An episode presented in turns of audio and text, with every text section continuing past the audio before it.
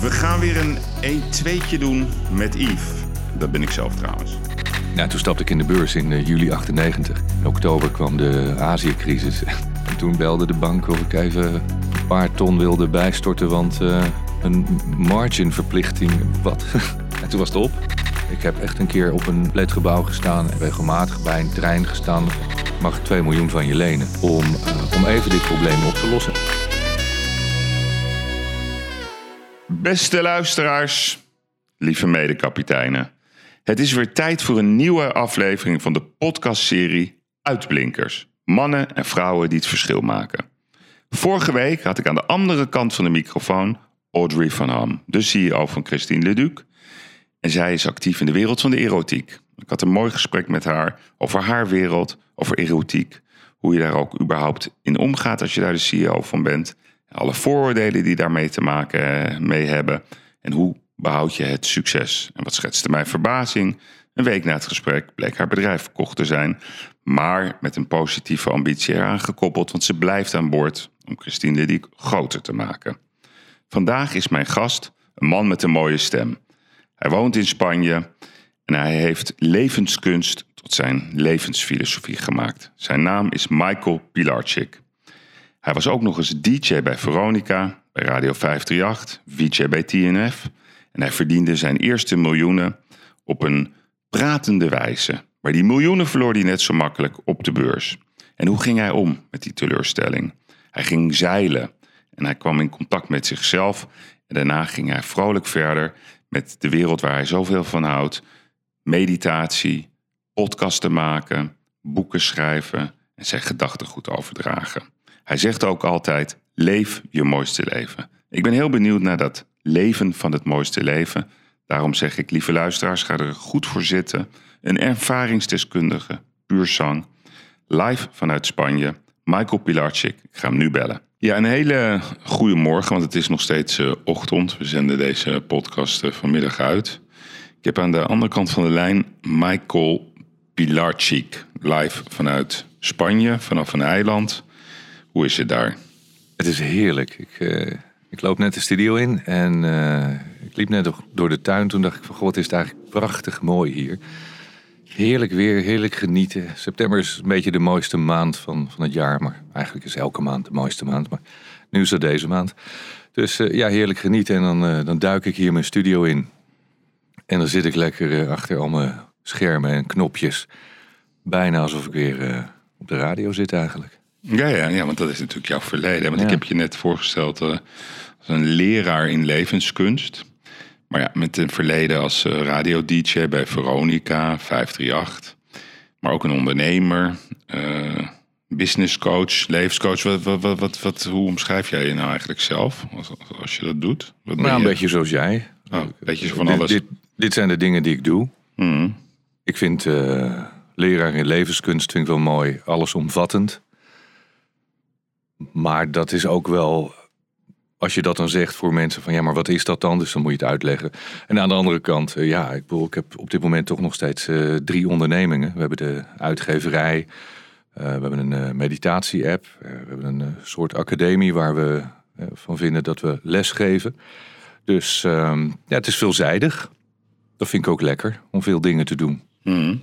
En, en, en we is, is jij en je vriendin en ja, zakenpartner Cindy. Cindy. Ja. Klopt, Cindy ja. en ik. Wij doen, uh, we doen het allemaal samen. Want hoe lang zijn jullie al samen? We zijn nu dit jaar ruim acht jaar samen. Want je hebt één zoon hè, van 21. Ja. Zij is niet de moeder van, van, van jouw nee. kind. Uh, nee. waar, waar heb je Cindy ontmoet?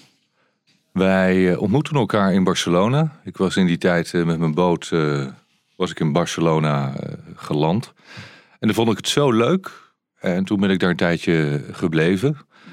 En toen kwam ik haar uh, tegen in um, de zomer van 2012. En waar kwamen jullie elkaar tegen? Zij was een vriendin van een toen uh, nog steeds gezamenlijke vriend. Iemand die ik had ontmoet toen ik in Barcelona was, die Thijs. Thijs die mij helemaal de weg had gewezen waar ik alle leuke plekjes kon vinden. En toen, uh, toen belde hij me een uh, dag op. Hij zegt, joh, er komen uh, twee vriendinnen van mij. vind je het leuk als we langskomen bij jou aan boord?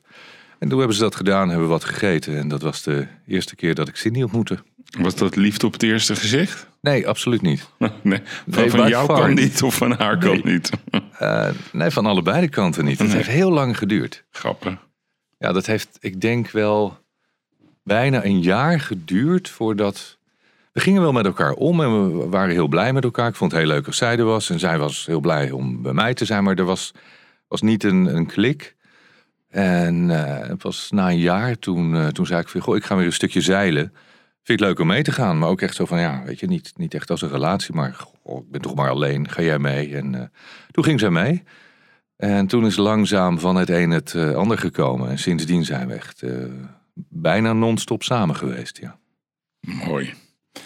Hey, Michael. ehm, kijk, jij bent geboren in Polen. Je bent opgegroeid in, in Zoetermeer.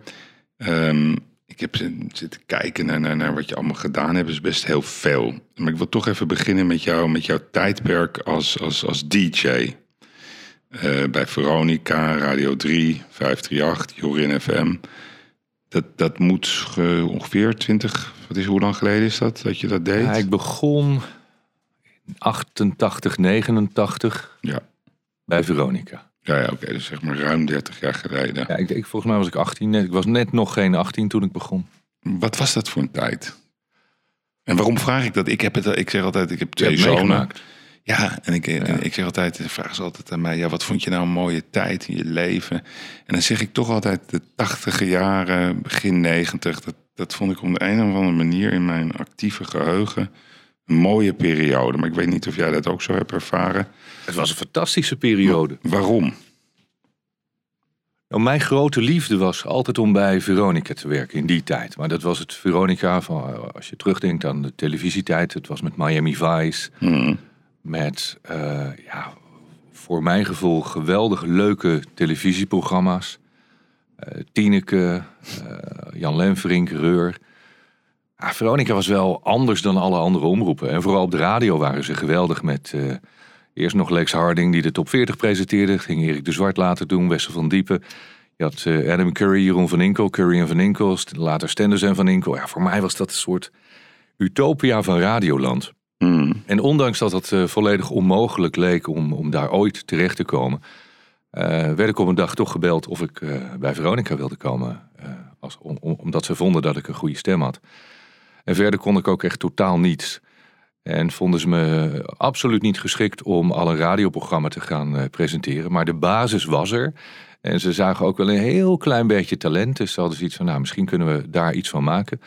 En het eerste radioprogramma dat ik eh, mocht presenteren toen, dat was op zondagmiddag, Het Zwarte Gat. Hmm. Dat was een programma met allemaal paragnosten en hokers, pokers, tovenaars. Eh, dat was een heel leuk programma. Dat had ook toen de tijd heel erg mijn interesse.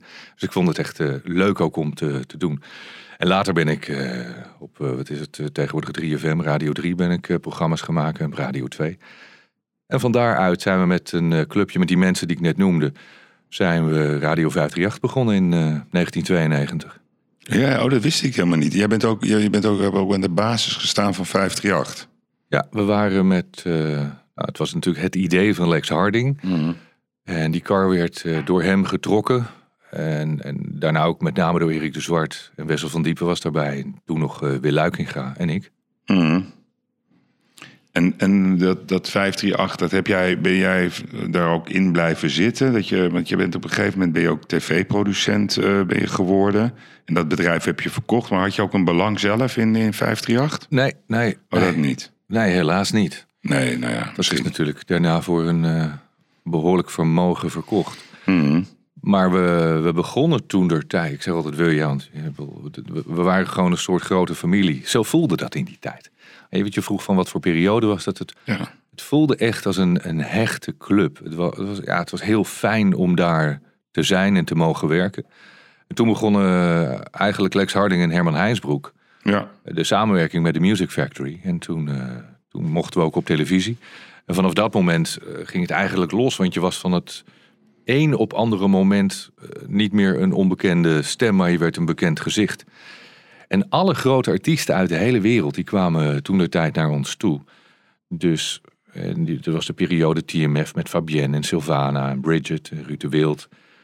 Ja, we spraken met alle grote artiesten uit de hele wereld. Het was, het was echt magnifieke tijd toen, eh, toen we dat allemaal mochten ervaren. Je had eigenlijk nu met terugwerkende kracht had je geen idee hoe bijzonder het was wat wij toen allemaal hebben mogen meemaken. Ja, ja, maar dat realiseer je niet op dat moment. Dat ga je pas Nee. achteraf eh, realiseren. Omdat je dan je zit gewoon in de flow. En dan vind je het misschien eigenlijk zelfs normaal. En dan later pas dan denk je, jeetje. Want welke Ja. artiest heb je allemaal geïnterviewd? Die jou zijn bijgebleven en achteraf... Janet Jackson was voor mij wel een heel bijzondere ontmoeting. Ik vond dat een heel bijzonder gesprek. En dat kwam omdat normaal gesproken zaten daar om zo'n artiest heen altijd managers en kappers of Ja. visagisten. En daar in ieder geval heel veel mensen, PR-mensen. En Janet Jackson was in het eh Amerikaan Hotel. En de platenmaatschappij zei, nou, eh, dit is ze, geef maar een hand. En eh, jullie hebben een uur of anderhalf uur. En ik was daar met Huip, mijn cameraman. En we waren met z'n drieën en iedereen ging weg. Ze lieten ons gewoon een anderhalf uur met, met z'n drieën. Dat was heel uniek en bijzonder. En eh, ik vond Sandra Bullock vond ik echt geweldig. Ik was eh, echt eh, totally in love with, met Sandra. Dus ik, dat was in het Ja. Intercontinental in Parijs. Ja, Ja, ik was een mannetje, weet je. Ik kocht voor, voor 450 gulden of euro. gulden. Gulden in die tijd, denk ik. Ja, een enorme bos bloemen. Mhm. Ik denk, ja, hoe ga ik indruk maken op haar? Je weet het nooit. Ja, nou, dat soort dingen. Ja. je dan wel eens. En werd het nog wat of niet? Nee, dat werd helemaal niks. Nee. Oh, jammer. En ik, ik moet zeggen, ik vond ehm, Giorgio Armani vond ik ook heel erg eh, interessant om mee te praten. Jammer was, was vaak met de Italianen, ook met uh, Eros Ramazzotti en met, met, eigenlijk met alle Italiaanse artiesten, dat zij geen Engelse interviews deden. En er moest een, eh, een translator tussen. Dus ja, dat, het is dan een beetje onhandig praten. Ja, dan krijg je geen Het was geen wel, eh daar waren mooie tijden. Echt. Mhm. Want je hebt ook Robbie Williams toen nog eh, geïnterviewd. Hoe was die, de jonge Robbie Williams? Die was nog een beetje onbevangen toen. Ja, hij, hij was hij, vreselijk mee gelachen. Ehm, hij is een paar keer mee geweest en toen uiteindelijk heb ik nog een, een keer heb ik hem ontmoet bij de uitreiking van de MTV Awards in Milaan. En die avond hebben we echt eh, dronken en, en lachend over straat gerold. Eh, ja, hij was, hij was natuurlijk een enorm talent, wa- wa- wat ik vind dat hij nog steeds is, maar en misschien is hij ook nog steeds zo. Hij deed maar gewoon wat, wat hij vond wat goed was en wat hij leuk vond. En hield met niks en niemand rekening in de zin van alles wat hem opgelegd werd, dat, dat liet hij echt langs zich heen gaan. Hij voelde zich eh, gewoon, ja, Robbie en hij deed wat hij wilde. En dat leidde vaak tot hele leuke gesprekken, kan ik me herinneren. Mhm. En, want, en, en, en, Celine Dion, eh, die, Ja, die heb ik ook nog op je lijstje gezien. Ja, Want als jij nou, kijk, al- ik vraag je dit ook. Hè. Bijvoorbeeld, ik was gisteren in, in Zandvoort bij, eh, bij die Grand Prix.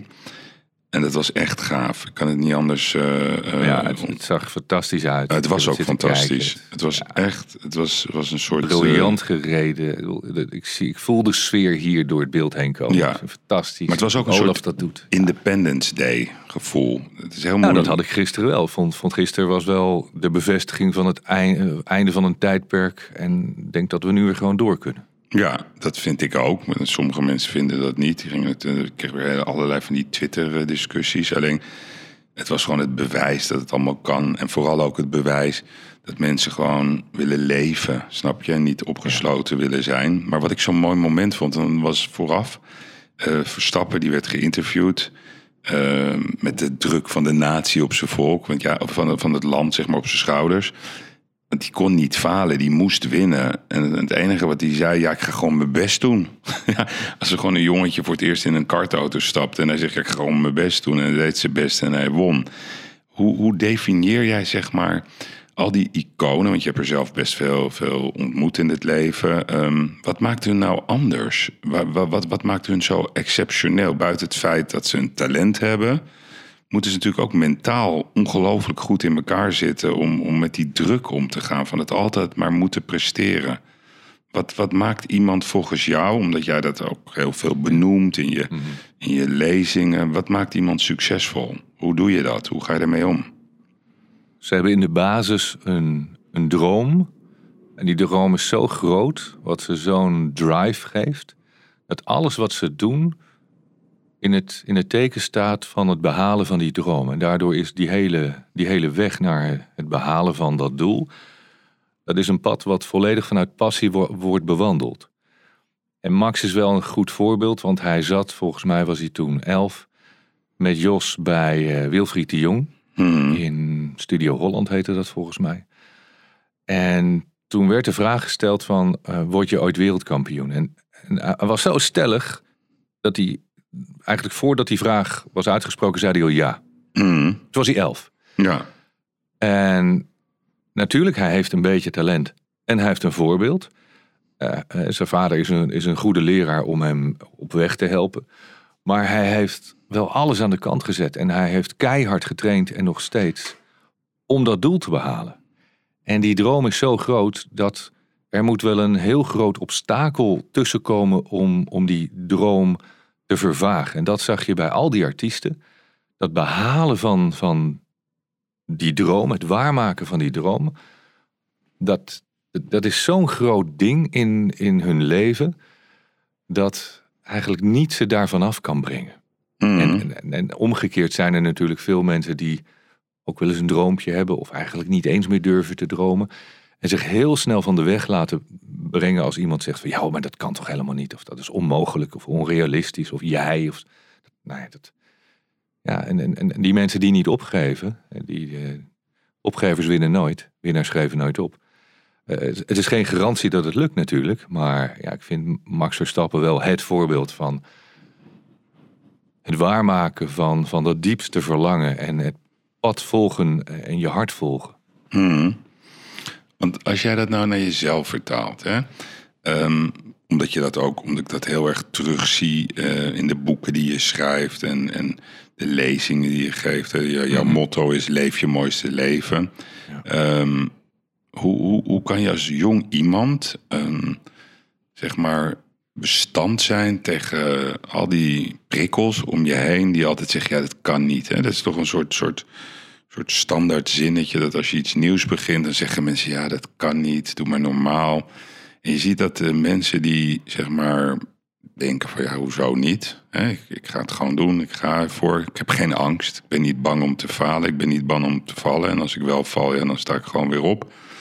Wat, wat zijn nou volgens jou de beste medicijnen om, om door te blijven gaan? En dat je je ook gewoon beseft dat er in dat proces van, van, van, je, van het realiseren van je droom... dat je met heel veel obstakels te maken hebt. Maar dat zijn feitelijk gewoon, eh, zeg maar, hinkstapsprongetjes. Hoe breng je dat over naar, naar je fans eh, die naar je toe komen, die jou volgen en die willen dat, die willen die droom realiseren. Maar. Ik denk dat jij en ik heel goed weten dat dat Ja, een ja. fucking wedstrijd is. Jij En- weet dat ook. Heel ja, goed. natuurlijk. En, en dat, je, je krijgt littekens, en je krijgt teleurstellingen. Maar je, Oh, kan, je, kan, je kan het overwinnen. Maar hoe, hoe, hoe zeg jij dat dan? Hoe je daarmee omgaat? En dan met name met al die, al die hinkstapsprongen die je moet maken in je leven. The road, to con- the, the road to success is always under construction. Mhm. En, en die weg naar succes, dat vinden veel mensen al een eng of een vies woord. Ehm, dat is geen weg die geplaveid is met een rode loper. Dat is gewoon door de modder, door het stof, door het prikkeldraad, eh, door het slijk gaan. eh, ja, je weet het, op je bek gaan, uitgelachen worden. Ik zeg altijd, zo vaak uitgelachen in mijn leven. En zo vaak getackeld en pootje gehaakt en zoveel messen in mijn rug gekregen. Dus Er zijn zoveel gevechten geweest waarvan ik eh, me nooit gewonnen heb gegeven. En, en misschien heb ik wel verloren onderweg, maar uiteindelijk heb ik, heb ik de strijd wel overwonnen. Eh, En vooral met mezelf dan, weet je. Het is, het is uiteindelijk een strijd tegen jezelf, niet tegen andere mensen. Dat, dat ontdek je dan later, althans dat heb ik zo ontdekt. Mhm. En ja, het, het is een soort spel waar je hinkstap stapsprongend doorheen moet gaan. Eh, soms donder je dat water in, klim je er weer uit. eh, staat er ineens een obstakel waar je overheen moet klimmen of omheen moet. Je, je moet een weg vinden. En, en, en, en dat maakt het moeilijk, want soms wordt het je zo moeilijk gemaakt. Mhm. Wat, wat mij heel erg opvalt is, iedereen wil wel graag op die bestemming aankomen. Ik leg het altijd makkelijk uit als, iedereen wil die medaille winnen. Iedereen wil eh, op dat podium staan waar Max gisteren stond. Ja. Maar mensen willen niet zien wat er voor nodig is om daar te komen. En als je dat vergelijkt met het beklimmen van een berg, ja, bovenop die berg is het uitzicht prachtig. En heb je uitzicht, kan je alle kanten op kijken. Althans, dat moet je maar hopen, want vanaf beneden heb je geen idee wat het uitzicht wordt. Maar daar ga je vanuit. En laat dat de droom zijn. En dan moet je gaan lopen en, en je zult met, met vallen en opstaan letterlijk de bergtop moeten bereiken. En uh, ja, dat is niet altijd even makkelijk. En de meeste mensen geven op in dat proces, omdat ze zo makkelijk van de wijs gebracht worden door anderen die, die, die bekende uitspraken doen van uh, gaat niet lukken, doe dat nou niet. Het is vaak ook beschermend bedoeld. Hè? Dat merk ik ook bij ouders die zeggen, ja doe dat nou niet, hè? gevaarlijk. Wat nou als het lukt? Of uh, wat nou als het mislukt? Hmm. Ik zeg altijd, ja maar wat nou als het wel lukt? Want mensen die van jou houden willen eigenlijk jouw teleurstelling voorkomen. Hmm. Dus op het moment dat ze jou die, die kans afnemen dat je op je bek kan gaan, uh, is het een soort valnet. Ik bedoel, een vangnet. Ja, dat, dan doet, doet het jou geen pijn. Het enige probleem wat dit met zich meeneemt, is het, dat het ook de kans op succes automatisch elimineert. Hmm. En, en, ik denk dat dat wel vaak fout gaat met ouders en kinderen en, en leraren en omgeving, waardoor dromen van kinderen eh, snel worden afgenomen en angst ontstaat. wat je zegt, ja, bang om te falen, eh, bang om af te gaan. Maar wat is dat nou eigenlijk? Ja, toch een laag zelfbeeld. En, en, en te veel willen leven volgens de regels van andere mensen. En maar, maar altijd maar willen dat anderen je aardig vinden en leuk vinden. Mm Dat doet er gewoon niks toe, want het is toch allemaal poppenkast. En eh, zorg dat je een leuk leven hebt met de mensen van wie je houdt. En dat je daar op een uh, fatsoenlijke, aangename manier mee omgaat. En wees aardig en vriendelijk tegen, tegen iedereen in de wereld. Maar bewandel je eigen pad. Het is jouw pad. Het is voor jou uitgelegd. Het rolt zich uit als je erover begint te lopen. Maar ga wel lopen. En, en geef niet te snel op. En ja, dat, dat is voor veel mensen blijkt gewoon heel moeilijk om niet op te geven.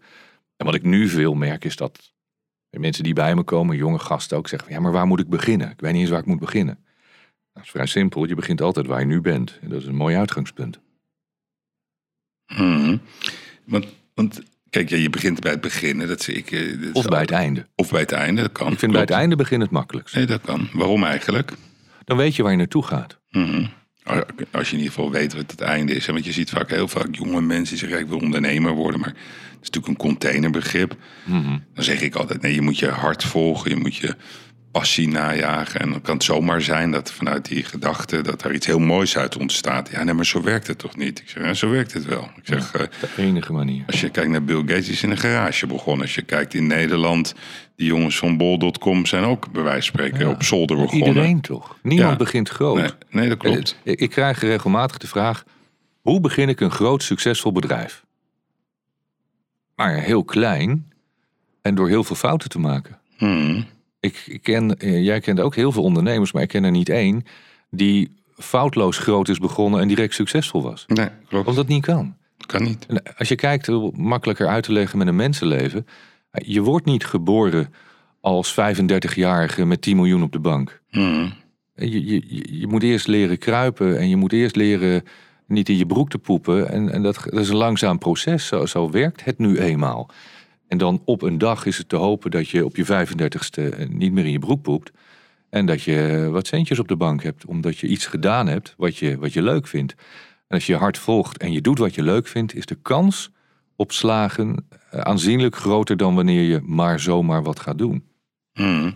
En hoe, hoe verklaar je bijvoorbeeld Um, je hebt zelf Poolse roots, maar je bent volgens mij uh, iemand die alles uh, heeft beleefd in Nederland. Hè? In eerste ja, instantie in ieder geval. Ik, ik, was twee toen ik naar Nederland kwam. Ja, precies. Dus, maar wat, wat is dat? Bijna we, hebben het, we hebben het altijd over het Calvinisme. Hè? Nou, dus ook uh, toch, toch even weer terug naar gisteren. Wij zijn geen Calvinistisch land. Ik roep dat al sinds ik ondernemer ben.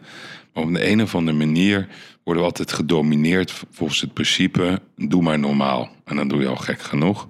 En, en, zeg maar de ambitiecultuur en de succescultuur, dat vinden wij iets heel ingewikkelds. Terwijl we eigenlijk helemaal niet zo slecht zijn. Hè? Dus we hebben, als je kijkt op het gebied van sport, stonden we toch weer nummer 7 op de medaillelijst op de Olympische Spelen. Klein landje. We hebben de beste DJ's, we hebben bijzondere schilders. We, we zijn best bijzonder.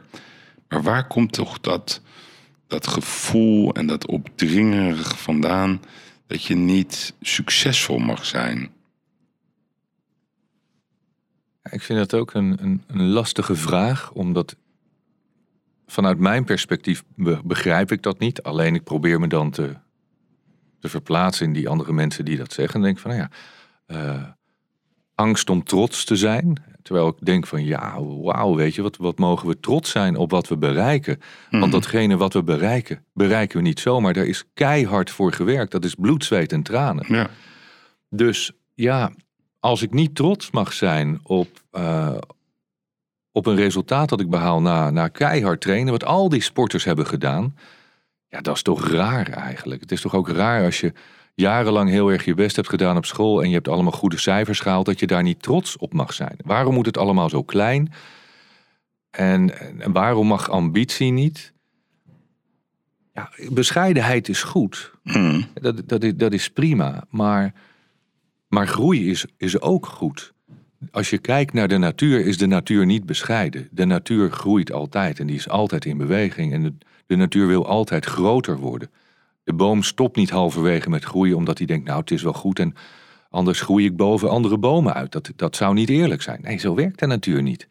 Dus het is, het is een bepaalde ja, terughoudendheid, waarvan ik af en toe wel eens denk van dat is ook wel makkelijk. Want ja, als we dat nou maar volhouden, dan hoeft die hele grote groep die dan geen ambitie heeft of niet pretendeert te hebben, hoeft ook niet wat harder te gaan lopen. En dan eh, hebben ze ook niet het risico dat het niet lukt. Hm. Dat, dat zou ook kunnen natuurlijk. Maar goed, ja, als mensen dat vinden, is het goed. Gelukkig zijn er ook hoge bomen en mensen die wel boven het maaiveld uitsteken. Hm.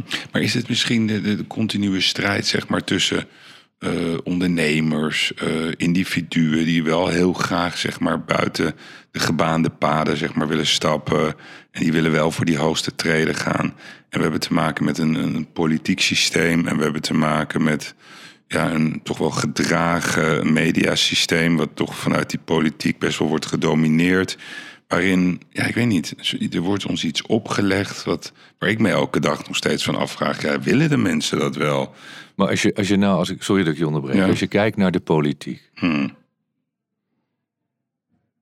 dan denk ik niet dat daar nou een heel erg hoog ambitieniveau was Nee. en is. Nee, is er niet. Want dan veilig, hadden we eh, veiligheidssysteem. overwegend mensen gehad die betere prestaties zouden leveren, denk ik. Ja, nee, maar dat, dat is het failliet, vind ik, al, al decennia van het politieke systeem. Dat is nooit gebaseerd op resultaten. Ik bedoel, ik, ik geef wel eens als voorbeeld... als je in, het, in de politiek eh, faalt, dan krijg je een bonus, een wachtgeldregeling... en je komt in de banencarousel. Nou, dus er zijn geen risico's. En, op, en falen wordt beloond. Als je ondernemer bent of sporter of je wil de beste arts worden of je wil de beste machinist worden wat dan ook en het gaat fout, is er geen vangnet. Dus het is heel, het is heel diametraal. Het is eigenlijk niet te begrijpen.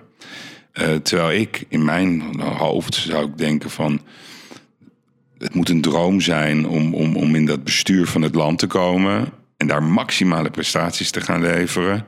Mag je ook, vindt, wat mij betreft, royaal voor beloond worden als je het doet voor het land. En je zorgt dat je ook mooie plannen neerzet. We, gaan, eh, worden het meest groene land ter wereld. Eh, we worden nummer één op het gebied van sport. We gaan de mooiste eh, campussen bouwen voor jonge mensen.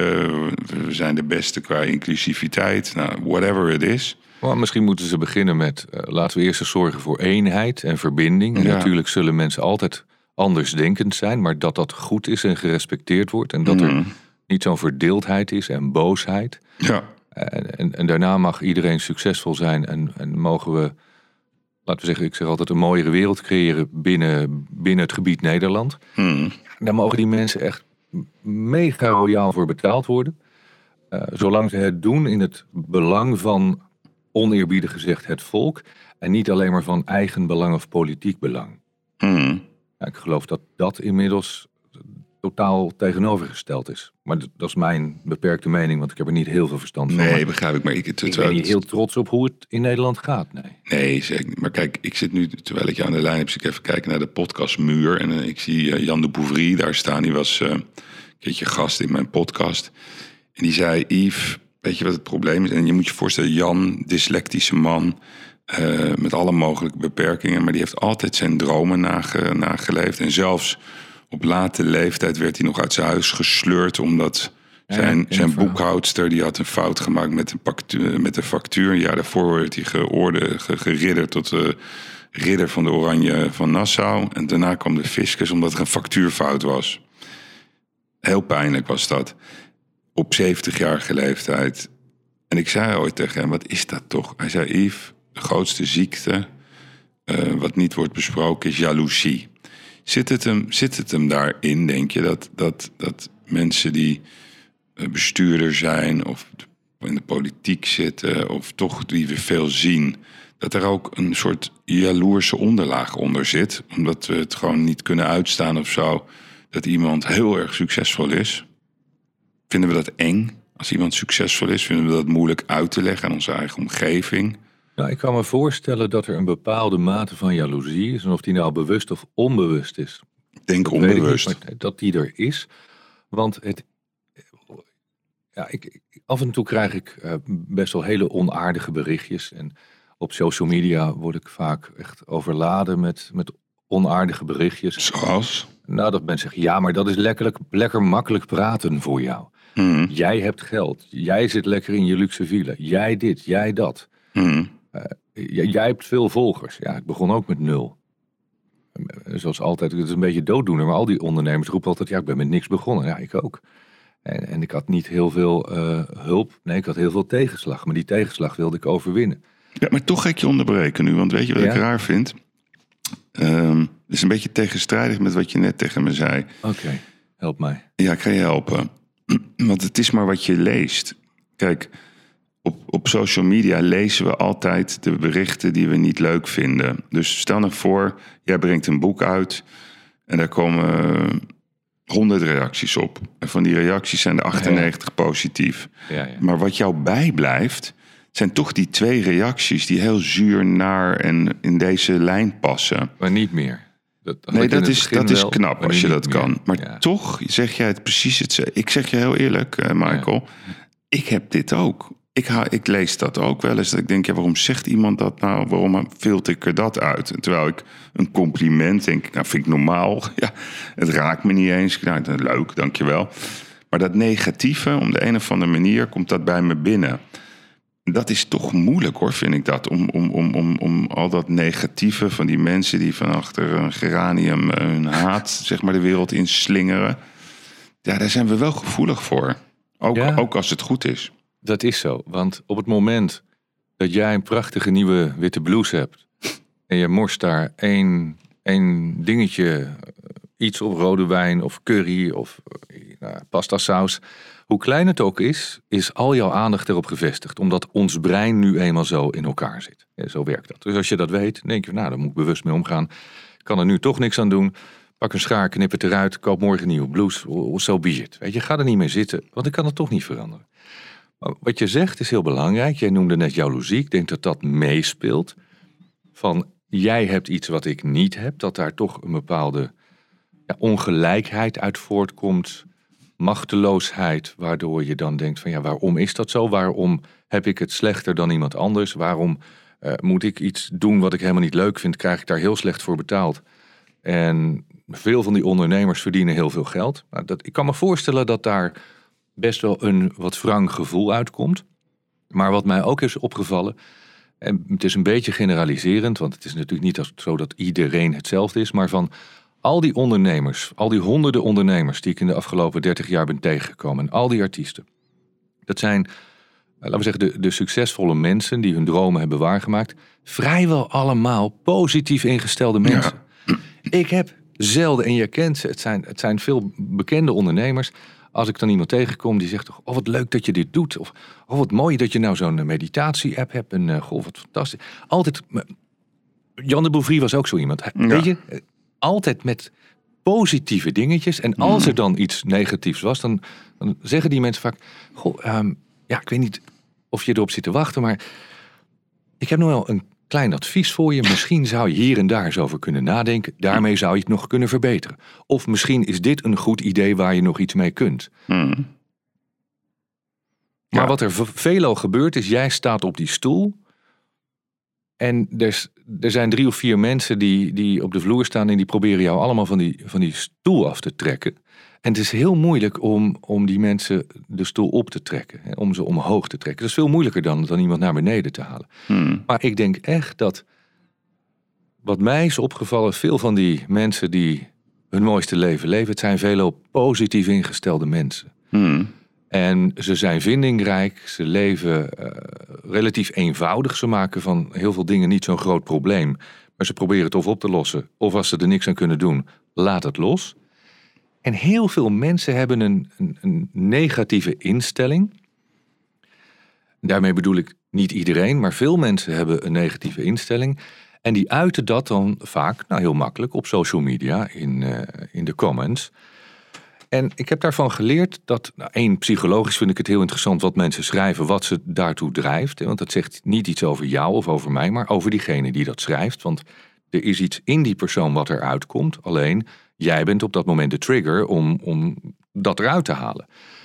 En eh, nou ja, het is ook wel eens zo dat het niet één of twee negatieve reacties zijn, maar gewoon 50 Hmm. van de 100. Dat je denkt van zo. En niet een, een beetje, maar dat je echt denkt van wat heb ik misdaan?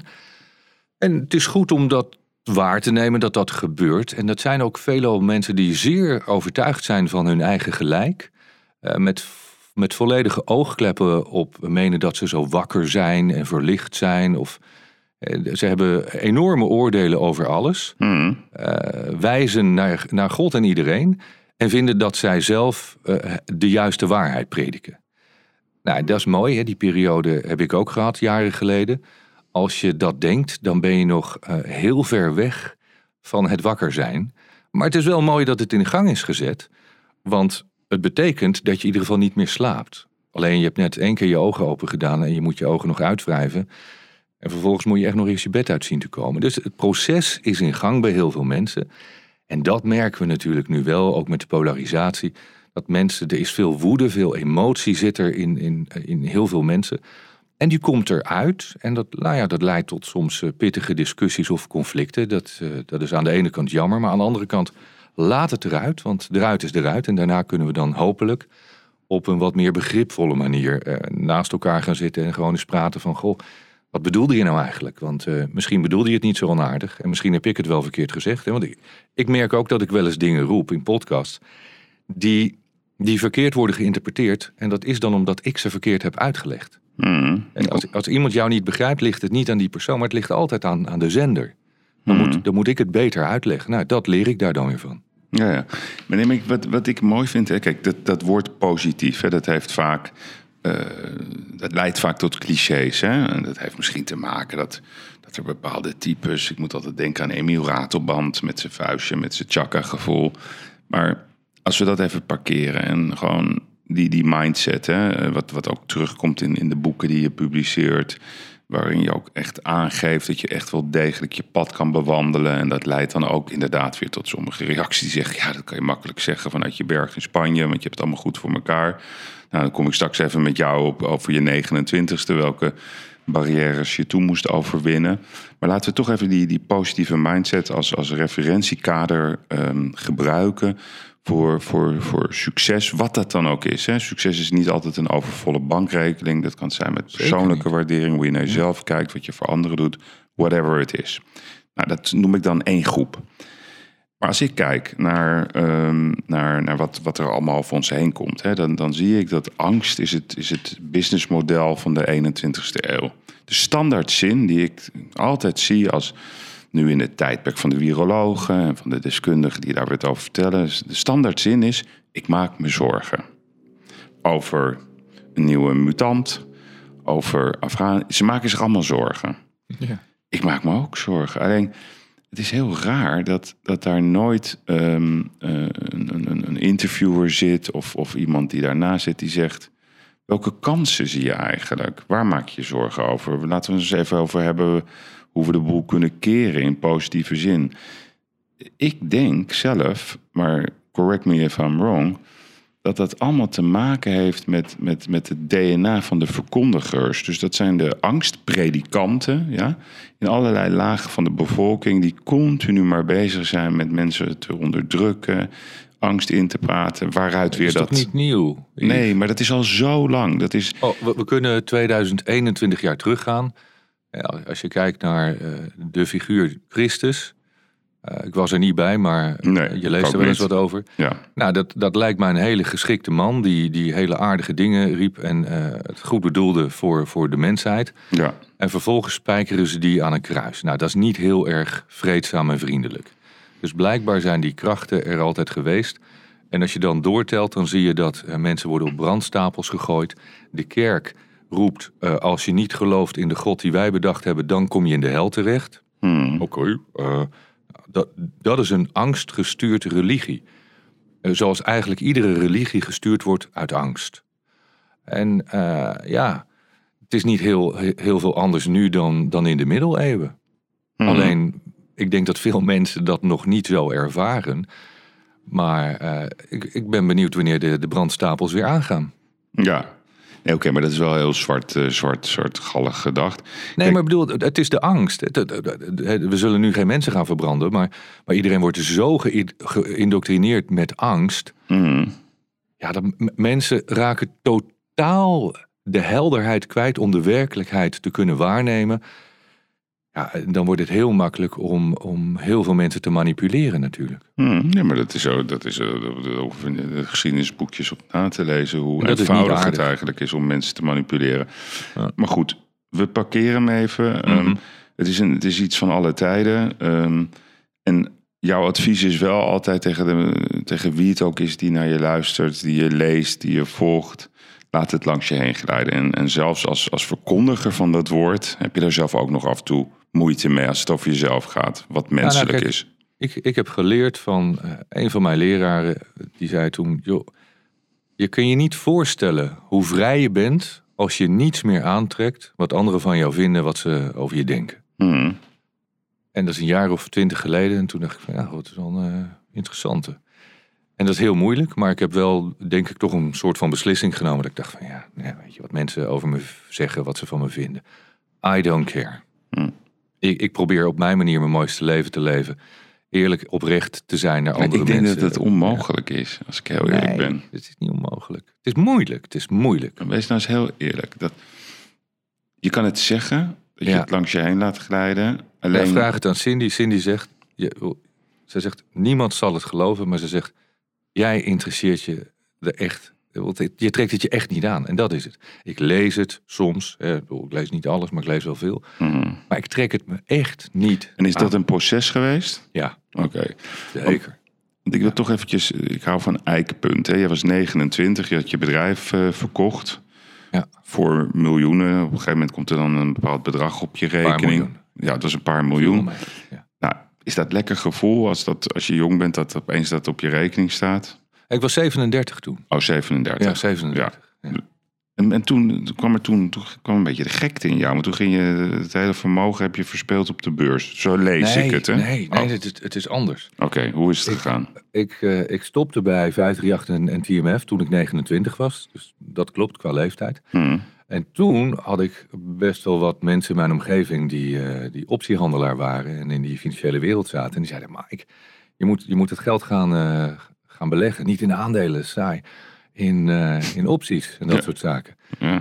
En de wijze oude heren in mijn omgeving, eh oude meneer Carranza Ja. en meneer Bordewijk en eh, Wim Zegwaard, die zeiden allemaal, nee, je moet, je moet vastgoed kopen. Dat is belangrijk. Daar zijn wij rijk, rijk van geworden. En toen dacht ik ook van, ja, ja, er zit wel wat in, maar mijn, mijn cowboyvrienden, die, die hebben het vastgoed met mij voor. Nou, toen stapte ik in de beurs in juli 98. In oktober kwam de Azië-crisis. en toen belde de bank of ik even een paar ton wilde bijstorten, want... eh, Het was op. marginverplichting, wat? en toen was het op. Ja. Ja, dus toen had ik wel even een eh, groot probleem. Maar gelukkig toen ben ik dat andere bedrijf begonnen. En het ging ook niet goed. Toen eh, ben ik ook een beetje gepiepeld en eruit gegooid. En uiteindelijk weer opnieuw begonnen. Maar heel veel geleerd van die periode. Ik zeg altijd, wat ik toen heb geleerd in die paar jaar... dat leren de meeste mensen niet in hun hele leven. Dus daar ben ik uiteindelijk dankbaar voor. Anders had ik nooit geweest wie ik nu ben. Hey, het is wie je bent die uiteindelijk bepaalt wat je, wat je bereikt. Maar, maar ge- kijk, ik, ik, ik heb het ook meegemaakt. Hè, dat, je, ja. dat, dat het zo helemaal uit je handen glipt. En ja. ik, ik heb ooit gezegd, ik gun iedereen die reis. Maar ik, ik gun het mijn kinderen weer niet. Dus Mhm. Kijk, je, je gaat het pas begrijpen als je het mee hebt gemaakt. En dan kan je inderdaad tien jaar later of twintig jaar later... kan je daar heel mooi beschouwend Ja, ja. over praten. Omdat het is achter je gelaten en het is ook opgelost en ten positieve gekeerd. Maar gun jij dit iedereen eh, die je toespreekt? En Nou, als op het moment dat ze succesvol zijn en ze hebben een prestatie geleverd en dat ze dan vervolgens diep in de opties gaan of diep in de crypto's of wat dan ook. En ze gaan helemaal naar de kloot en alles kwijt. En ze zijn meestal zo strijdig en, en krachtig dat ze er weer uitkomen. Maar het is wel pijnlijk hoor, eh, Michael. Ja, ja, nee, nee. Kijk, dat is de, de reden toen ik daarna mijn bedrijf verkocht. Dat er een soort. Zo'n. Weet je. Toen viel echt al die last van, van meer dan acht jaar van mijn schouders af. Ik kon al mijn shit afbetalen. Ik had gelukkig nog een beetje over om, om zorgeloos te kunnen leven. Maar die ontlading, die leidde er wel toe dat ik me ging beseffen wat er in al die jaren was gebeurd, zakelijk en privé. En hoop bergen en dalen, veel teleurstellingen, veel, veel tegenslag moeten, moeten overwinnen. En ik was echt op, ik was kapot, ik, was, ik kon Hmm. niet meer. Nee. Dat was voor mij ook de reden dat ik uiteindelijk ben vertrokken met mijn boot. Ik zei toen om mezelf terug te vinden. Ja. Maar eh, je kunt jezelf helemaal niet kwijtraken. Want eh, mijn idee was ook van ik ga op een berg zitten, ik wil naar Tibet. Om, om daar mezelf terug te vinden. Maar toen vertelde iemand me dat eh, als je op die berg gaat zitten, dan neem je al je ellende ook mee. Als je, als je zen wilt worden boven op die berg, dan zul je eerst zen moeten zijn. Want jij bent datgene wat je meeneemt. En al die inzichten hebben me toen wel eh, uiteindelijk de rust gebracht die, die, die mijn leven veranderd heeft. Die mij veranderd heeft. Hmm. Maar toch even terug naar die periode. Hè? Want Ja. dat, dat, dat, dat is nu, hè, kan je dat beschouwend be- bekijken. Maar als je toen in, want dat is vaak heel cruciaal om er niet in te blijven hangen. Wat deed jij toen, toen dat gebeurde en die, die, die bankman belde? Nou, zijn er toen gekke dingen geweest die je toen hebt gedaan? Ja, ja, ik... eh, Ben je aan de drugs gegaan? Nou, nee, dat nog niet. Net ik ben niet? nooit aan de drugs geweest. Ik was nooit aan de drugs. Nee. Maar ik was wel getrouwd met iemand die eh, heel ziek was. Hmm. En, en vocht voor haar leven. En, en, en, en aan hele zware medicijnen zat om, om, eh, nou ja, omdat dat nodig was. Dus ik had wel toegang tot een eigen apotheek. En ik, ik zag het echt niet zitten. Ik heb, eh, ik heb echt een keer op een, op een flatgebouw gestaan. En ik heb regelmatig bij een trein gestaan. En, en bij mezelf eh, me afgevraagd van wat zou nou minder pijn doen? En hoe zou dat zijn om dat te doen? En wat gebeurt er als Ja, je, je hebt echt, is er echt zo geweest dat je echt, echt, echt zo erg was het. Ja, maar Zo heb je ook op dat gebouw fysiek gestaan? fysiek gestaan. Dat je echt bij wijze van spreken dacht, nou zou ik nou wel of niet springen? Ja, Zo close was het. zo close. Jeetje. Maar meer om te kijken van het onderzoek van hoe ga ik dat doen? En toen kwam ik er al best wel snel achter dat ik eh, nou ja, daar denk ik toch niet het lef voor had en het moeilijk vond. En me ook besefte van ja, wat doe ik andere mensen aan? De mensen die, Ja. die van mij houden, dat kan niet. En zij was ziek en zij vocht voor haar leven. En doktoren zeiden van nou ja, eh, ik weet niet hoe lang ze nog heeft. En, en, en dat, dat speelde allemaal in dezezelfde periode.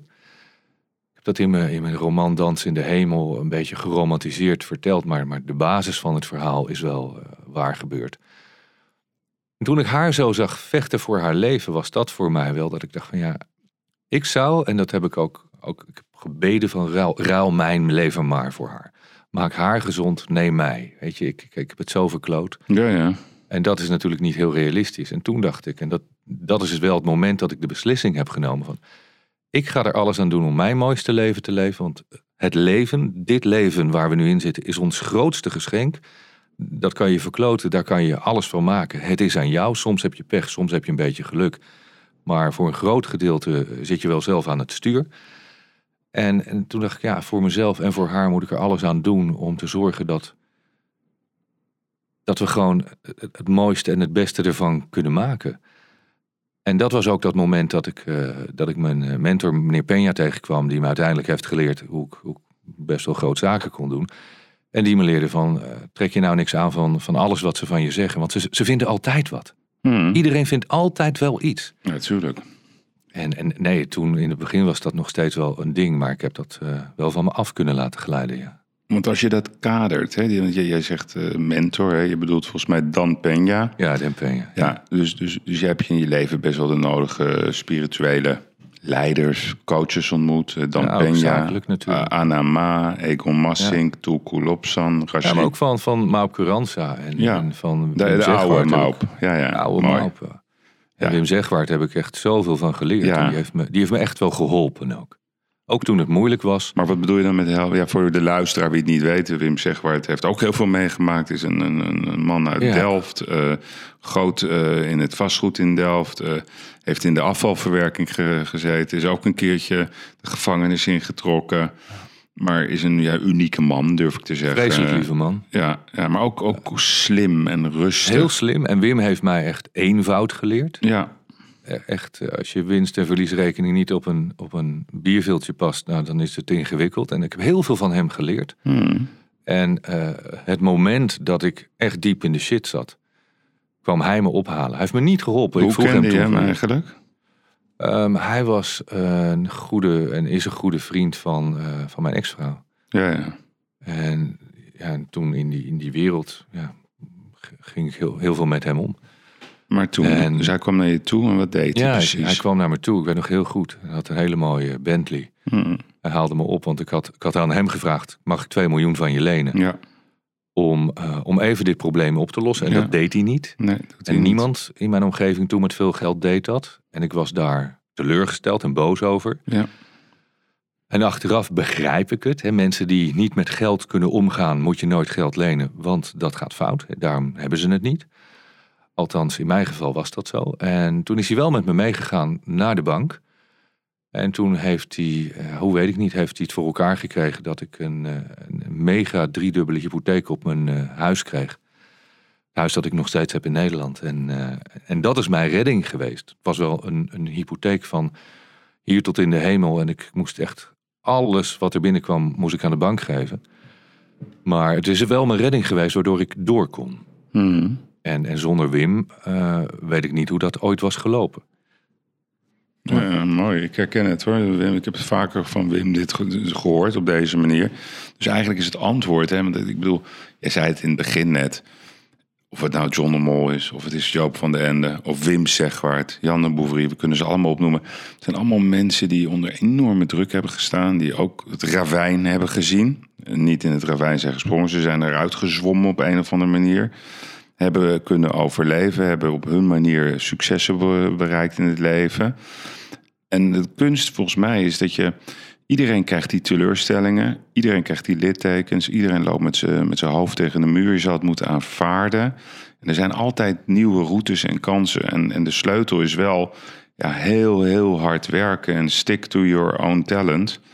En dan kan je er altijd uitstappen op de een of andere manier. Ook, ook als je denkt, ja, dit kan nooit meer goed komen dit. Ja. Ik spreek uit eigen ervaring. Meerdere Het zijn niet de, de omstandigheden, maar hoe je omgaat met de omstandigheden. Ja. Dat is een, eh, een Ja. hele oude Griekse filosoof die heeft dat geroepen. Maar dat is het echt. Ja, mooi. Want als je dan al die spirituele coaches, hè, dat, ik, ik heb ze nooit ontmoet. ehm, zit er een rode draad in, in, in, in wat ze overdragen? Ja, ik denk wel dat. ehm, zij delen wel allemaal een, een liefdevol bestaan. Een, een, een zeer bescheiden bestaan. eh, waar ik af en toe eh, iets meer op een podium ga staan en dingen ga schreeuwen en roepen. Eh, waar ik ook steeds gematigder in ben geworden. Maar dat, dat liefdevol, vreedzaam eh, met elkaar zijn, eh, ver- verbondenheid met andere mensen, goed zijn voor andere mensen, eh, zorgen voor elkaar. En vooral zorgen dat je jezelf gaat begrijpen. En dat is, dat is het moeilijkste van het leven. Het, het zelf leren begrijpen. En leren begrijpen waarom je denkt zoals je denkt. De titel van mijn nieuwe boek. Je bent zoals je denkt. Maar ook dat je, dat je begrijpt waarom je doet wat je doet. Hoe je, hoe je gedrag tot stand is gekomen. De persoonlijkheid. hè, Persona is het Latijnse woord voor masker. Hoe jij het masker, de rol die je hebt aangenomen in het leven, hebt gevormd. En of je daar blij mee bent of niet. Of dat je die rol zou willen veranderen. En dat heb ik wel van, van al die spirituele leraren geleerd. Mhm. En, en als je dat op jezelf eh, vertaalt, hè, vandaag de dag. eh, je bent 51, zeg, klopt dat? Ja, bijna 52 volgende maand. Nou, kijk eens aan. Hoe sta jij op ochtends? Hoe laat sta je op? Nou, meestal als de zon opkomt. Nou, vroeg. met, met open, open ramen. En, eh, Hmm. de, de slaapkamer is op het oosten, dus als de zon opkomt, dat is heel mooi. Dan komt hij zo boven de bomen omhoog. En dan, eh, nou ja, dan is hij een half uurtje aan het opkomen. En dan straalt hij naar binnen. En dan is het tijd om op te staan. Ja, niet, niet heel vroeg hoor. Soms, eh, soms iets eerder dan zeven uur. Eh, Meestal rond zeven uur, soms iets later. Hmm. Hangt er ook vanaf. Of- als ik de hele nacht in mijn studio heb zitten werken, met meditaties inspreken, dan ga ik soms pas naar bed als het licht wordt. Dus dan blijf ik iets langer liggen. Maar meestal sta ik gewoon op en dan eh, begin ik heel relaxed de dag met een rondje wandelen. Hmm. En, en, en, en in jouw hoofd, hè? ik kan me voorstellen dat jouw hoofd een, eh, best wel een onrustig eh, circus is. Met allerlei deurtjes, eh, die kansen zien, eh, waar, waar, waar je continu aan, over aan het nadenken bent. eh. Nou, ik, ben voor, ik, sta, ik zeg altijd, ik sta meer op standby. Ah. Maar ik ben wel alert. Oké, Dus er is altijd wel rust in mijn hoofd. oké, maar dat is wel gegroeid, neem ik aan. Ja, vroeger had ik dat niet. Nee, vroeger had je dat niet. En nu heb je die Vroeger rust wel. Chaos. Eh, eh, hoort bij die, bij die rust en bij, bij, die, bij, bij die alertheid en dat je stand-by staat, hoort daar nog een groot ambitieus plan bij? Ik bedoel, wat, wat, is jouw, wat zijn jouw wensen voor de komende jaren? Wat, wat wil je? Is er nog iets wat je wil? Of zeg je van ik ben tevreden met mijn leven, ik wil nog grote veranderingen realiseren? Ja, ik ben, ik ben heel tevreden, ik ben heel gelukkig. Ik ben heel blij eh, met, met ons leven in ons, in ons kleine eigen wereldje eh, op, ons land. Hebben best wel een mooi stukje land met een hele mooie tuin. Onze wens van Cindy en mij is om hier een heel mooi botanisch park aan te leggen in de komende jaren. Om iets blijvends na te laten voor, voor hierna, voor andere mensen, voor wat komen gaat. We zaten gisteren weer op het bankje, helemaal achter op het land. Zaten we zo te kijken. Joh, over tien jaar moet je kijken hoe dat eruit kan zien. En dat dit er over honderd jaar nog is. En dat hier iemand anders woont. Nou, dat vind ik een mooie droom. Ik hou van mooie dingen maken. Ik hou van dingen creëren, maar vooral mooie dingen creëren. En wat we nu doen met, met, eh, met alle boeken die ik schrijf, de programma's, de lessen die ik geef. is altijd leef je mooiste leven. Eh, als jij dat doet en iedereen doet dat en ieder doet dat voor zich, denk ik dat we met elkaar naar een mooiere wereld gaan. En zo is ook de, de meditatie-app ontstaan, Meditation Moments. Ik denk dat we nu in Nederland, ik weet niet uit mijn hoofd, ik kijk niet zoveel naar die getallen, maar iets van 150.000 gebruikers hebben. Wereldwijd nu inmiddels meer dan 600.000. Waarvan ik weet, ik krijg honderden berichtjes iedere dag van mensen die zeggen: Goh, ik ben zo blij, want het geeft me rust in mijn hoofd. Ik had stress of ik was verdrietig, want ik, eh, mijn moeder is overleden en het heeft me rust gebracht. En Ja. Weet je, dat soort dingen, al die feedback, dat ik denk van, als ik maar een heel klein beetje kan bijdragen aan het geluk van iemand in, in een mensenleven of aan iets minder stress en iets meer rust en balans, dan, dan maakt mij dat heel gelukkig. Dat, dat geeft, vind ik, heel veel zin aan wat ik doe. En ik hoop dat ik daar echt tientallen miljoenen mensen in de komende 30 jaar nog mee mag bereiken. Hmm. En dat is op dit moment, als je het nu vraagt, is dat voor mij wel eh, iets moois waarvan ik zeg van wauw, dit is een, eh, een mooi ambitieus plan. Hmm, ja, zeker. En, en eh, als je bijvoorbeeld. eh, ik, ik praat veel met jongeren en die, eh, veel daarvan die hebben The Secret gelezen. Die, Ja, Dat je dingen ja. kan visualiseren. En als je het maar erin gelooft, dan is alles te doen in het leven. Nou, ik zeg wel altijd dat daar een bepaalde nuance in zit. Zeker. Maar ik herken wel de, de lijn van The Secret in jouw eh, gedachtegoed, in jouw Klopt. filosofie van leven. En er zijn twee boeken die, die voor mij eh, heel bepalend zijn geweest. Eh, de meest bepalende is eh, Think and Grow Rich van Napoleon Hill, een boek uit eh, 1937. En het andere boek dat is eh, The Science of Getting Rich van Wallace D. Waddles. Die meneer heeft dat in 1910 geschreven. En daar heeft Rhonda Byrne, die heeft op basis van dat boek heeft ze The Secret geschreven. En ik heb eh, onlangs mijn, nieuwste boekje, Je bent zoals je denkt. Dat is een vertaling en bewerking gebaseerd op die Science of Getting Rich. In een combinatie met eh, As a Man Thinketh van James Allen, wat ik een heel mooi boek vind. Dat gaat over het begrijpen van jezelf, je eigen denken. Maar dat visualiseren, dat, eh, ja, dat heb ik altijd gedaan van kleins af aan. vo- voordat ik überhaupt door had dat, dat dat iets was wat je kon, kon doen. En als je kijkt, Stephen Covey heeft dat ook geschreven. Hè, in die, die zeven eh, eigenschappen van, Mhm. van leiderschap. Ja. Daar staat ook in, zijn, zijn tweede principe is... begin met het einde voor ogen. Als je weet hoe, hoe het eruit moet gaan zien...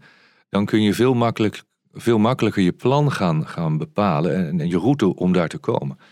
Dus dat, eh, ja, what you imagine you become... daar geloof ik eh, heel erg in. Ja.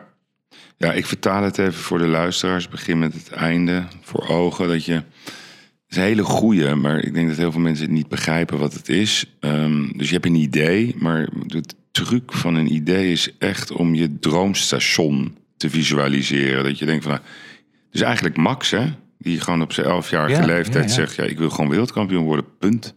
Punt, ja. Dus gisteren stond hij daar op dat podium, is nog geen wereldkampioen. Maar dat is het eindstation. En dat is, dat kan, dus als je denkt, ik wil een pizzazaak beginnen, kan je ook zeggen van nou, ik wil een flagship store in New York hebben met duizend Maar het vierkante meter. visualiseren is echt van... Ja. Hoe ziet die winkel ziet er dan uit? Waar, in welke straat? Wat is het huisnummer? Hoe ziet de stoep daarvoor eruit? Hoe laat kom ik dan binnen? Kom ik in mijn eentje binnen? Zijn er andere mensen? Staan er tafeltjes? Wat voor pizza's maken we daar? Hoe, zie, hoe ziet het eruit? Als je het niet kunt tekenen, kun je het niet visualiseren. Maar dan, dan klopt het ook niet. Dus, dus het is echt, Dan weet je het niet. nee, dan weet je het niet. Dus dat is de kunst voor bijna ieder idee. Ja. Maak het concreet in je hoofd, dat je het gewoon in je helemaal ziet ook. Dat het een, bijna een stripboek is. Zo gaat het worden. En dan is een droom vaak eigenlijk heel dichtbij. Dat is heel raar. Ik ben het met je eens. Hij, wordt, hij, wordt, hij wordt tastbaar en als de tastbare droom levendig wordt en je, je voelt dat verlangen en, en het begint te leven, ja, dan, dan ontstaat er iets wat in mijn optiek niet meer is tegen te houden. Ja, Maar nogmaals, weet je, je kunt niet alles krijgen in het leven. Je kunt ook niet zomaar alles vragen aan het universum of denken dat je alles kan manifesteren. Want zo werkt het gewoon niet. Het werkt alleen maar als jij er heel hard zelf aan meewerkt. alright. Hey, ik zag ook, hè, dat vond ik wel leuk. ehm, want jij bent een, ook een, je hebt een eigen podcast. Dat doe je samen met Cindy. Ik heb ook een keertje naar, naar gekeken. Het is eh, vermakelijk. Het is eh, even bij jullie op schoot zitten. Jullie zitten gewoon lekker met z'n tweeën te Ja. praten over werkelijk waar alles en nog wat van het leven. Rustig. Dat hebben wij ook als we naar jou en Erik luisteren. Ja, dat zag ik. Ik, ik, Ja. ik kreeg dat namelijk van mijn redactie. Die zeiden, ja, Michael had een keer een interview gegeven. Dat was niet de reden om jou te bellen, maar die, wat zijn je favoriete podcasten? En je had ons op één gezet. Ja, jullie staan op één. Waarom eigenlijk? Nou, dat, dat is denk ik alweer ruim een half jaar geleden. Een beetje in het begin toen jullie eh, ja, nog maar wat deden. Een beetje gewoon gezellig bij elkaar kwamen en erover gingen babbelen. Een beetje toen. En wij luisterden daar met heel veel plezier naar. En ik was zo blij dat, dat iemand dat ging doen. En dat daar heel snel ook heel veel andere mensen naar gingen luisteren. Maar aan de ene kant gewoon heel eerlijk, eh, heel oprecht zonder verborgen agenda. En waar ik gewoon heel blij van werd, is dat, dat jullie steeds met dingen kwamen en nieuws en toen met omzicht en heel veel van dat soort dingen. Dat ik dacht van, waarom is er niemand? Ja. Waarom is er niemand in de journalistiek die iets dieper graaft of die deze vragen stelt? Waarom niet? Ja. Maar gelukkig, jullie zijn er dus. Het is goed. Ja, nou, we doen ons best. Ja, Ja. het is, ik zeg je echt, het is, ik verbaas me echt, ieder, nog steeds verbaas ik me iedere dag over het verschil tussen de werkelijkheid en wat zeg maar wordt verkondigd. Ook gisteren weer, dan zie je het plezier van de mensen dat ze gewoon weer buiten zijn. Maar ook op de dam, weet je, dat mensen gewoon even hun geluid konden laten horen. En dan wordt er altijd weer een cherrypicking gedaan, omdat er een politicus ook is. Ja, die is er ook, ja, dat kan. Maar gewoon, mensen willen gewoon bij elkaar zijn. Mensen willen elkaar helpen. Ik heb alleen maar lachende gezichten gezien. Ik heb... Volgens mij een miljoen mensen gisteren in Amsterdam. Nee, nee, nee, nee, nee. Nee. Nee, het waren Ja, geen ik las in, in ergens in een of ander bericht dat er 10.000 waren. tienduizenden. Nou ja, tienduizenden. Nou, ik weet niet hoeveel er waren, maar voor mij het gevoel was, het zijn er miljoenen. Ja, ja, op zo'n manier. En het gaf ja. mij een fantastisch, heerlijk, Ja. fijn gevoel. Dat ik dacht van, kijk, weet je, geen gedonder, geen waterkanonnen. Mensen maar- zijn vredelievend. Het is oké, het is goed. En ook daar lopen vast en zeker wel eens mensen tussen die, die, die zeg maar iets opzoeken. Maar de grote, grote groep, de meerderheid, die, die, die, die, die, zit gewoon vol verbazing en onmachtig ook te kijken naar de dogma's die worden opgelegd, eh, die angstkaart, die continue invloed van ik ga jou binnenhouden, ik ga jouw looplijnen bepalen. Ja, dat is wel wat moet worden doorgeknipt. Kijk, ik heb me al mijn hele leven geïrriteerd aan de politiek. En dat zal waarschijnlijk altijd zo blijven. Dat is, heeft volgens mij gewoon te maken met het systeem wat gewoon niet goed in elkaar zit. Maar dat ze kunnen bepalen of je wel of niet je huis uit kan. Ja, daar wil ik, dat ga ik niet meer meemaken. Dat, dat, dat accepteer ik ook gewoon niet meer. Dus dat, ik vind het goed dat nu eindelijk het positieve tegengeluid op een goede manier wordt, uh, wordt verkondigd. Denk je dat we eruit zijn, uh, Michael? Denk je dat... Waar, waaruit? Nou, de dominantie van, van, van, van de regels. Dat we gewoon weer een normaal leven kunnen leiden. En dat we gewoon accepteren het, het, dat, is aan, dat het, het is onderdeel aan jou is. en mij en al die andere mensen. En zolang er nog erg veel andere denkwijzen zijn en verdeeldheid, uh, zijn we er nog niet uit, denk ik. Als het aan mij ligt, dan zeg ik van, weet je, de, de, de macht is aan het volk. Niet om recalcitrant te zijn, niet om, om, om op te roepen tegen burgerlijke on, ongehoorzaamheid, maar waarom ziet niemand dat, dat wij bepalen? En je Ja. krijgt wat je accepteert. En dan kijk ik gisteren weer naar de peilingen en dan denk ik van, nou ja, als dit is wat je wil, dan is dit ook wat je krijgt. Ja, en dan moet je altijd afvragen wat, wat de waarheid is van peilingen. Maar de macht is aan het volk. Hè? Dat, dat, klinkt, dat klinkt zeg maar. eh, Nou, dat zou het moeten zijn. ja, alleen is het moeilijk, omdat iedereen heeft zijn. Kijk, de beste voetballers komen altijd uit de favela's. Dat, dat, dat vind ik altijd een mooi, mooie metafoor. Hè? Dus Maradona, eh, maar ook Johan Cruijff eh, uit het Betondorp. Als je niks hebt, dan ben je altijd bereid om ergens meer voor te vechten. En wij zijn toch wel best wel verwend. Ik bedoel, de jeugd die realiseert zich vaak niet wat we allemaal wel hebben. Dus vergeten vaak, we zeggen altijd wat we niet hebben, maar we hebben best wel veel. En ik denk dat, die, dat, dat, dat, dat de les van, van wat we nu hebben meegemaakt is dat die, dat die vrijheid, dat dat zoiets essentieel is om daarvoor te knokken. En ik heb het idee dat dat eindelijk nu wakker begint te worden, omdat in het begin ja, relatief weinig mensen werden geraakt. Je zag bijvoorbeeld werknemers, die werden allemaal keurig doorbetaald. Daar is over nagedacht natuurlijk. Ze voelden de pijn niet. En je gaat, je gaat pas, zeg maar, volgens mij wakker worden als je ook de pijn voelt. Als je echt iets wordt ontnomen, dat het in je tuin komt. En nu pas heb ik het idee dat er steeds grotere groepen zich beginnen eh, te realiseren. Dat ja, als we niet nu samen met z'n allen gewoon onze stem laten horen. Op een vreedzaam, op een goede manier. Dan mag je ook best wel een beetje ongehoorzaam zijn af en toe. Ja, dan kan je echt wel iets veranderen. Alleen ja, dat vraagt wel om doorzettingsvermogen. En het vraagt ook om verbinding van iedereen. Hè? Gisteren bijvoorbeeld van zo'n Marjan Koopmans. Hè? Kreeg je er meteen bij. Ik vind het een naar mens. Ik vertrouw er niet. Ze voelt niet goed. Dat is gewoon een mening. Hè? Dat is gewoon mijn persoonlijke mening. Ja. wordt onpasselijk van die vrouw als ik daar naar kijk. Maar die heeft een belangrijke stem in het debat. En die, die komt dan op Twitter en die komt dan met de vraag: ja, wie is wij? Ja, dus dan, dan, dan is er een demonstrant die roept dan: ja, wij, kijk, we the people, whatever it is. Dat bedoelt zo iemand goed. En dan komt zo iemand die toch wel een belangrijke rol heeft in het debat. Ja, wie is wij? Met dat belerende toontje. En dat wij-gevoel, dat is volgens mij het, het onzichtbare geluid... Wat, wat, wat om de een of andere manier nog niet geland is. Maar dat komt er nu aan. Maar het is niet alleen in Nederland. De Fransen eh, zie je het natuurlijk, ook in Amerika. En je ziet het ook in, in, in, in, in, in andere landen in de wereld. Dat men helemaal klaar is met, met toch die mentale onderdrukking. Dan heb ik het niet over de militaire onderdrukkingen... waar wij helemaal nul invloed op hebben. Hoe, hoe, hoe vind jij dat wij echt nu eh, als land ehm, het gewoon weer naar het normale terug kunnen krijgen. Niet dat ze weer met hun verhaaltjes komen. Want ze, die macht ligt wel zo op het moment. Zo reëel moet je wel zijn. Ja, het is een beetje wie zijn wij en wie zijn zij. Dat moet een beetje gedefinieerd Nou, zij is wel duidelijk, toch? Zij is een beetje duidelijk geworden omdat zij elke dag in alle praatprogramma's Ja. te zien en te horen zijn. Dus we Exact. weten wie zij zijn. Dat is de brainwashing. En wie daar dan nog achter zit, dat, eh, ik weet het niet. Maar Daar kunnen we over filosoferen. ja, ik, ik denk dat er een, een groep mensen eh, in paniek is en bang is. ehm, om de bepaalde grip die er is kwijt te raken. Ik heb ook af en toe wel eens de indruk dat ze, dat ze zo ver aan het duwen zijn dat die burgerlijke ongehoorzaamheid er komt. Dat mensen op een vredelievende manier opstaan om te zeggen van tot hier en niet verder, we zijn er klaar mee, we moeten het anders doen. Maar dat er een minderheid blijft die dat roept. En ergens ontploft het een keer en dan kunnen ze wel het leger erop afsturen. En dan, uh, weet je, dan hebben ze reden om, om iedereen op te sluiten. Wat ze Mhm. nu mentaal al doen, kunnen ze dat dan echt doen.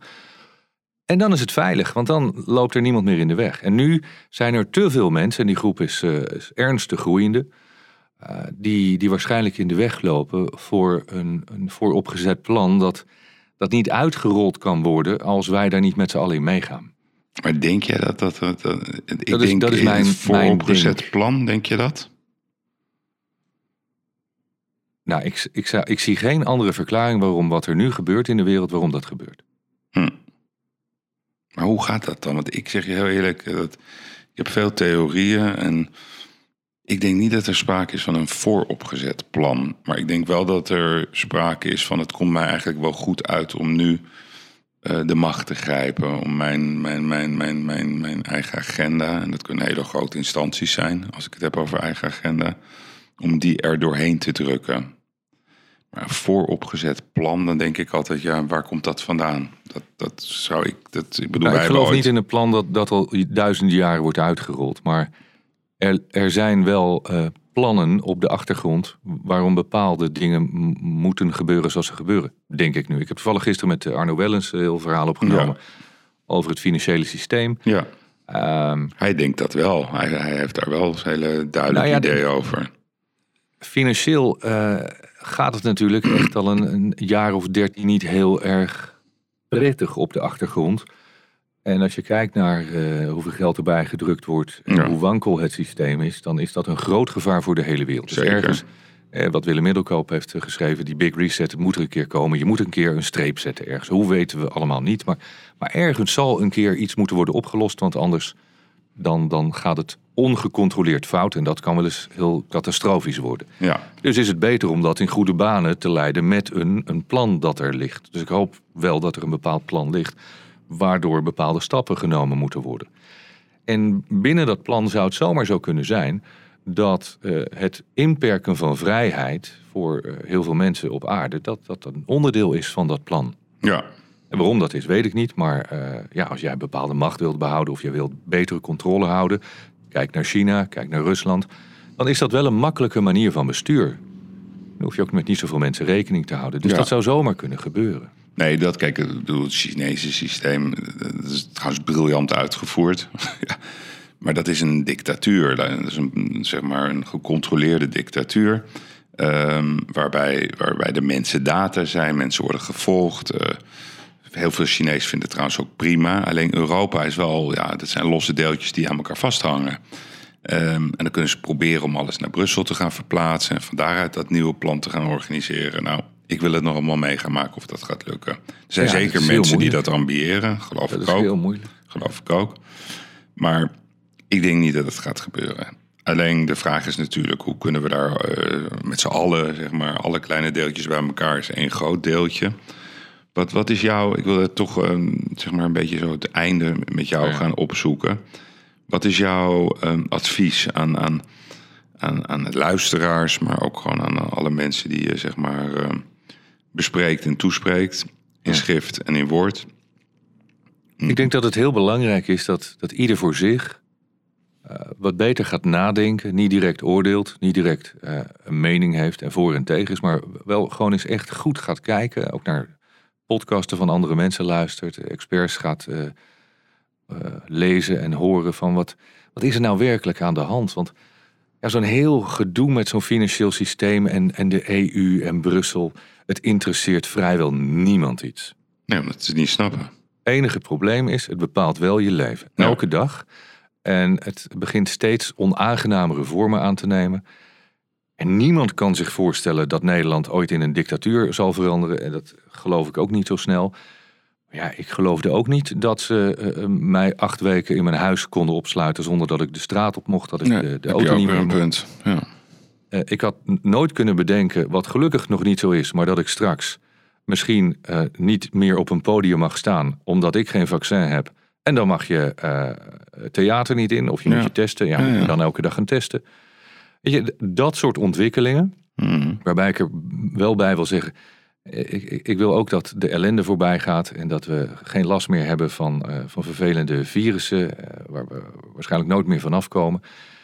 Eh, maar weet je, de inperking van bepaalde vrijheden en eh, de, de gecontroleerde machten die steeds groter worden, dat is wel eh, een zorgelijke ontwikkeling, eh, waarbij het steeds een heel klein beetje is en dus maakt niemand zich heel druk. En dan realiseer je ineens dat het Te laat. al is. heel ver is. Ja, en dan is het te laat. Te laat. Ik ben benieuwd wat Wim Zegwaard zou eh, antwoorden op deze vraag van Wim. Ja. Ja, wat zou hij zeggen, denk je? Hij heeft dat hele, die hele boerennuchterheid. ja. We zullen wel zien hoe het loopt. En misschien is dat het ook wel. Ja, we, misschien. we zien wel hoe het loopt. Ik denk dat hij dat ook zou zeggen, ja. Maar ik denk dat het goed is Ik dat denk we ook dat hij zou zeggen, maak je niet zoveel zorgen. Hij zou tegen mij, ik weet zeker dat hij, als ik dit aan hem vraag, hij, maak je niet zo druk. Ja. Ga lekker, eh, ga weer een boek schrijven. En, eh. Ga gewoon op het podium staan. En moet nog maar zien of ze je eraf komen halen. En dat ga ik ook doen. Mooi. Zo is het, eh Michael. Dankjewel. Is er nog iets, iets wat je aan mij wil vragen of waar je op terug wil komen? Ik vind het heel mooi wat, wat je doet en wat jij met Erik doet. Ik vind het fantastisch. Ik hoop dat jullie daar eh, nog lang mee door kunnen gaan. Ja, dat gaan we zeker. Dat er veel kapiteinen bij komen. Ja, dat hopen wij ook. En eh, we hebben er heel veel plezier ook in. En, eh, we, we zeggen altijd, we, you ain't have seen nothing yet. Dus we zijn, we zijn ook bezig met, met grotere routes. Dus leuk. Daarom, ik heb ook weer wat geleerd vandaag. Het visualiseren van het einde. Ik had vanochtend een gesprek met Erik over het best wel iets groots dat wij willen doen. En dat eh, visualiseren van het einde, dat had ik precies aan hem zo uitgelegd. Hij had het nog niet helemaal door, maar ik vind het een, een, mooie les. En ik denk ook dat dat eh, voor iedereen eh, eigenlijk geldt. Dat iedereen heeft dromen, ambities, weet vaak niet waar ze moeten beginnen. Ehm, en het hoeft ook niet altijd heel groot te zijn. Grote dingen beginnen vooral klein. Bepaal je eigen kaders en eh, dan is heel veel haalbaar. Dankjewel, eh Michael. De groet aan Cindy. Dankjewel. Ik ken haar niet, maar ze Dankjewel. komt op mij eh, heel leuk Heel- en interessant. en, een mooie vrouw. Kan Absoluut. niet anders zeggen. Dus geniet van waar je nu bent. En eh, nou, laten we, laten we elkaar over een jaartje weer spreken. En misschien heeft Wim Zegwaard dan eh, gelijk gekregen. Dankjewel. Ik denk het wel. Ik ja? wens je alle goed. Dankjewel. Dag. Bye bye. Hartelijk dank eh, voor het luisteren naar dit eh, mooie gesprek eh, met Michael Pilarczyk. Ik wil hem daar graag voor danken. En ook ik heb weer wat geleerd vandaag. Ik vond het een mooie, mooie gedachte. Als je iets nieuws begint, visualiseer het einde. En dat is denk ik een mooie levensles voor iedereen die bezig is met initiatieven en met mooie bedrijven. Vrijdag dan ben ik er weer met mede-compaan Erik de Vlieger. Dat wordt weer een riemenvaste operatie. Live vanuit Portugal. En voor nu wens ik een hele mooie week. Het wordt in ieder geval een zonnige week. Dus ik wens u eh, veel plezier deze week. En vrijdag ben ik er weer met Erik. Dank voor het luisteren. Tot dan.